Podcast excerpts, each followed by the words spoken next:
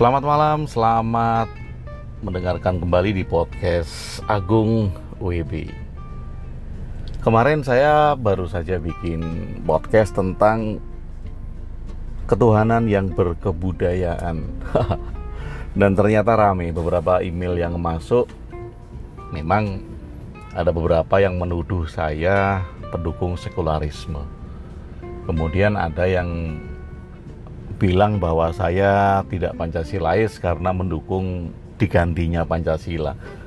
Padahal saya sudah bilang berkali-kali di podcast itu kalau ini bukan perkara dukung-mendukung, saya hanya tertarik di satu kalimat itu saja, di kalimat ketuhanan yang berkebudayaan dan saya juga sudah menjelaskan bahwa ketuhanan itu tidak sama dengan Tuhan. Tuhan itu merujuk kepada sesuatu yang disembah, Sedangkan ketuhanan adalah merujuk kepada sesuatu yang diimplementasikan di dalam kehidupan. Jadi koridornya saya kira sudah sangat jelas sekali.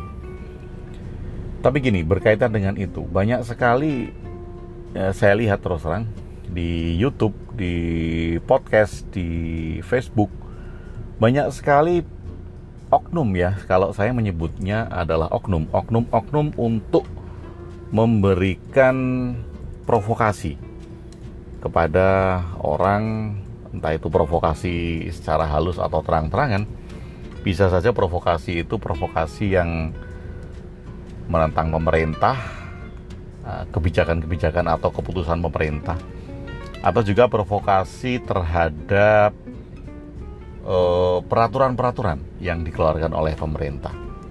Dan itu sangat masif sekali sangat masif sekali. Nah saya ingat dulu saya pernah uh, mendengarkan dari audiobooknya James Gui. Saya lupa judulnya apa, tapi waktu itu James Gui membicarakan tentang sales dan marketing. Nah hubungannya apa? Jadi gini, saat itu ada satu rumus yang dikemukakan oleh James Gui tentang uh, sales dan marketing karena memang cakupan James Gui bicara itu tentang uh, marketing yaitu rumus 20 20 60. 20%, 20% dan 60%. Nah, ini berkaitan sebetulnya berkaitan dengan penjualan dengan marketing bahwa siapa orang yang akan menolak ketika ditawarin produk, orang yang akan menerima penjelasan produk dan orang yang akan wait and see tentang produk itu. Nah, nanti akan saya kaitkan dengan bidang SDM karena kemudian hal itu saya terapkan di SDM pada saat saya ngurusin corporate culture. Jadi James Gui bilang gini, bila kita punya ide, bila kita punya produk, kemudian kita menjelaskan pada sekelompok orang, taruhlah 10 orang lah. Ini lingkup kecil nanti jumlahnya bisa Anda tambahkan sendiri. 10 orang. Kemudian Anda jelaskan produk itu. Nah, 20% dari 10 itu itu akan setuju dengan ide produk Anda. Jadi yang setuju itu dua. Oke. Kemudian 20% lagi, jadi 20 20 60 tadi ya. 20% itu menolak ide Anda. Oke, 20% menolak. Jadi yang setuju 20% yaitu dua dari 10 tadi. Yang menolak juga dua dari 10. Nah, yang 60% jadi enam orang itu adalah wait and see. Dia nggak akan lakukan action apa pun juga karena dia wait and see. Nah, apabila seseorang menawarkan produk dan dia salah, artinya ketika dia tidak mengenal rumus 20 20 60, dia akan salah mengenali jangan-jangan yang di approach adalah yang 20% yang menolak bukan 20% yang menerima. Nah, itu mau dijelaskan kayak apa pun, mau dipersuasi kayak apa pun, mau dideketi kayak apa pun, nggak akan bisa karena memang 20% itu menolak. Nggak akan bisa. Jadi yang bisa adalah biarkan yang 20% itu. Nggak usah diapa-apain, nggak usah coba dijelaskan, nggak usah coba didekatin, nggak usah. Nah, ketika tepat mendekati yang 20% yang menerima tadi, Oke. Okay? Artinya ketika 20% yang dua orang tadi take action, kemudian yang 60%, yang enam orang itu akan melihat karena 60% yang enam orang tadi adalah wait and see. Dia akan melihat perubahannya. Oh betul nggak ya? orang ini menggunakan produk itu oh betul nggak ya ada manfaatnya nah ketika yang dua ini tepat sasaran dan dia take action dilihat oleh yang 60% 60% akan ngikut jadi jumlahnya 80% Oke, yang 20% yang menolak tadi nggak usah dipikir karena memang itu ditinggalkan. Jadi orang akan mendapatkan 80% kalau dia tepat mengelola yang 20% yang menerima. Nah, saya menerapkan di bukan di bidang marketing sales seperti apa yang dikemukakan oleh James Quick saat itu. Tetapi saya mengemukakan ketika saya melakukan coaching untuk perusahaan-perusahaan di bidang corporate culture. Artinya gini, perusahaan itu mempunyai ide untuk berubah, untuk berkembang. Dia akan membuat kebijakan baru, dia akan membuat keputusan baru, atau bahkan dia akan meluncurkan sesuatu yang baru yang berkaitan dengan produktivitas dari perusahaan itu. Nah, ketika perusahaan mempunyai ide dan dia memanggil para manajernya atau para divisi-divisi di direktur operasional yang berkaitan, tetapi dia salah memanggil karena tidak memetakan 20-20-60 yang ternyata dipanggil adalah 20% yang menolak. Apa yang terjadi? Idenya nggak jalan. Perubahan di perusahaan itu nggak jalan. Contoh lah, kalau ternyata satu perusahaan itu punya karyawan seribu. Oke, seribu loh ya. Artinya 20% itu banyak kan? 200 loh. 20% dari 1000 orang. 200 200 orang kalau Anda punya karyawan 1000 atau perusahaan Anda itu karyawannya 1000 200 orang itu kecenderungan menolak. Atau dia kata lain dari menolak itu pembangkang deh e, pemprotes apa-apa protes apa-apa protes itu 20% jadi kalau karyawan itu ada 1000 dan bidang HRD human capital itu tidak pernah memetakan yang 20% yang menolak dia akan salah panggil kan? Orang-orang ini dipanggil dia bisa aja posisinya manajer posisinya direksi sangat bisa. Tidak semua direksi itu take action tidak semua manajer itu take action. Jadi harus dipetakan dari awal nah ketika perusahaan punya ide mau berubah dan yang dipanggil adalah 20% yang menolak tadi saya berikan contoh perusahaan misalnya ada 1000 karyawan. Artinya 200 orang itu menolak, memprotes, pembangkang. Nah, itu yang dipanggil. Apa yang terjadi? Jelas tidak jalan. Kenapa? Karena 20% tadi akan mempengaruhi 60% yang wait and see. Oke, 60% ini wait, wait and see. Dia belum melakukan apa-apa, dia melihat dulu perubahan-perubahan yang terjadi secara nyata. Nah, bila perusahaan yang punya ide ini memanggil orang-orang yang tepat yang sudah dipetakan dari awal, setidaknya HRD human capital itu mempunyai peta mana-mana orang-orang yang take action yang 20% tadi. Nah, ketika ada perubahan-perubahan, ada ide-ide baru, mereka yang dipanggil. Kenapa? Karena yang 20% yang pembangkang, penolak, pemarah, pemprotes tadi itu nggak bisa dia papain. Biarkan dia gone by the time. Biarkan dia pergi seiring dengan waktu, nggak bisa diapa-apain lagi. Nah kalau yang 20% take action ini sudah bergerak, yang 60% akan ngikutin karena 60% itu wait and see dia masih menimbang-nimbang. Ini untungnya apa bagi saya? Ini ada akibatnya nggak bagi saya? Ini ada impactnya nggak bagi saya? Nah ketika mereka melihat yang 20% tadi berjalan dan ternyata ada impactnya, 60% ini ngikut. Nah, kadangkala bila Anda yang mendengarkan podcast ini seorang manajer, Anda bekerja di HRD, Anda bekerja di Human Capital, setidaknya mulai dari sekarang Anda membuat peta 20%, 20%, dan 60%. 20 yang selalu menolak itu yang mana? 20 yang take action itu yang mana? Dan 60% yang wait and see itu yang mana? ini kecenderungan jadi mungkin bisa nggak 20% tapi 15% atau bisa 22 23% gitu yang 60% tadi bisa aja uh, jumlahnya 50% atau 55 ini kecenderungan tetapi dibikin jumlah yang kecenderungannya biar genap yaitu 20, 20 dan 60. Nah, bagaimana dengan kehidupan bernegara? Sama saja. Sama saja. 20% dari 250 juta. Berapa coba? Saya nggak pakai kalkulator, nggak bisa ngitung. Coba Anda hitung sendiri deh. 20% dari 250 juta itu menolak setiap kali ada kebijakan, setiap kali ada peraturan, setiap kali ada perubahan. Jadi perubahan-perubahan yang diusulkan oleh pemerintah itu akan ditolak oleh yang 20% tadi.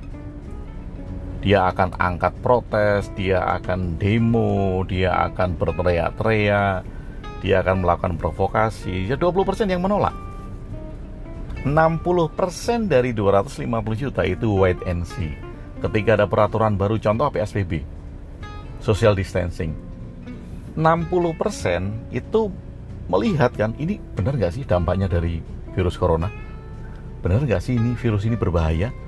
Benar nggak sih negara itu melindungi? Benar nggak sih asuransi ditanggung dan segala macam? 60% ini melihat loh. Kalau ternyata dampaknya ada bagus melindungi kesehatan 60% ini mau ngikut. Nah ternyata kita sekarang bisa melihat kok daerah-daerah yang nggak taat dengan peraturan mereka yang banyak melanggar peraturan bukan salah mereka. Bukan, mereka ini hanya orang-orang wait and see yang jumlahnya 60%. Nah, kenapa kok mereka melanggar peraturan? Mereka seolah-olah tidak mau diatur. Karena apa? Karena mereka mengikuti yang 20% tadi. Kalau ternyata yang 20% yang menolak, membangkang dan tidak mau mengikuti tadi itu provokatif dan masif, mereka sering berkoar-koar di medsos, mereka yang sering berbicara di media massa, dan yang 20% yang take action tadi nggak pernah bicara. Oke, mereka adalah, mungkin saja mereka adalah silent majority. Nah itu salah sendiri.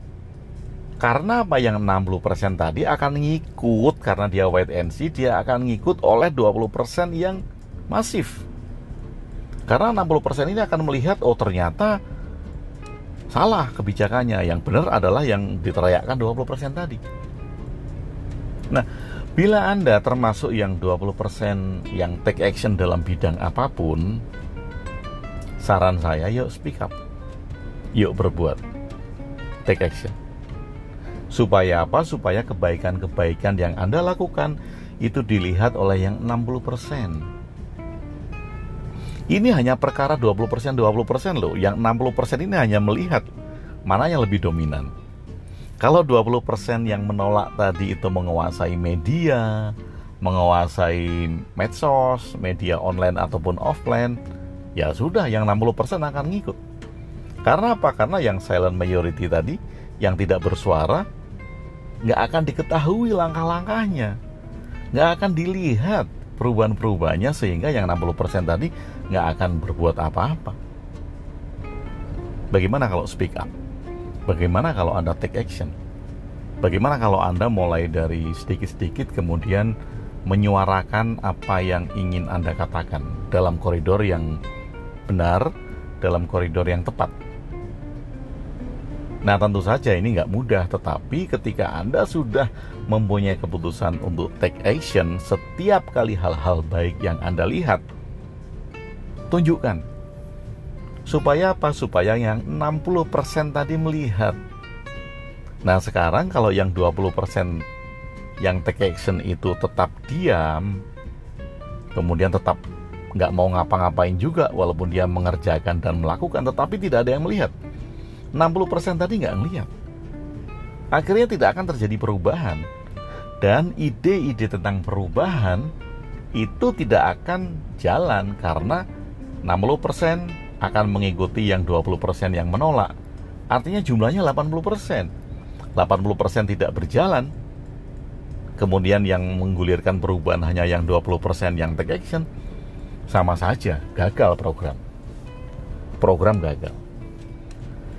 Nah, sahabat, ini yang sering kali tidak disadari. Kemudian kalau Anda punya perusahaan, Anda punya karyawan walaupun masih sedikit, cobalah Anda petakan. 20 20 60 tadi. 20 yang take action yang mana, 20 yang menolak itu yang mana, kemudian 60% yang wait and see itu yang mana. Nah, 20% tadi itu bukan berarti mereka harus dipecat loh kalau di karyawan tidak karena mereka akan berproduksi tetap. Hanya saja mereka akan suka mengeluh. Mereka banyak omong, tapi mereka tetap berproduksi. Nah, mereka yang suka mengeluh dan banyak ngomong ini kalau itu masif, dia akan diikuti oleh yang 60%. Jadi tetap hati-hati. Sama di negara juga sama. 20% ini kalau disuruh pindah karena tidak suka dengan pemerintahan Indonesia, tentu saja nggak mau. Tapi tetap saja yang 20% ini tetap akan mengeluh, tetap akan protes, tapi semuanya tetap dikerjakan. Nah, kalau yang 20% mengeluh ini keluhannya itu banyak dan sering didengar oleh yang 60%, 60% akan ngikut untuk di sana. Di podcast ini sahabat-sahabat semua bukan berarti kemudian kita harus saling perang mulut, kita harus saling pelang medsos, bukan berarti kita harus saling perang opini, tidak. Tetapi bila Anda melihat hal-hal yang tepat dan itu mengandung kebaikan-kebaikan, yuk speak up. Suarakan itu, tindakan itu, implementasikan sehingga dilihat perubahan-perubahannya, impact-impactnya, dan mereka yang wait and see akan mengikuti Anda. Oke, sahabat. Jadi ini bisa Anda terapkan di bidang apa pun juga. Sayang sekali saya lupa James Gue itu menyadur Eh, teori ini dari mana saya lupa 20 20 60 ini. Kalau 80 20 itu Pareto ya, itu bukan uh, penerapannya bukan seperti ini. Nanti saya akan bikin podcast sendiri tentang Pareto yang berkaitan dengan produktivitas.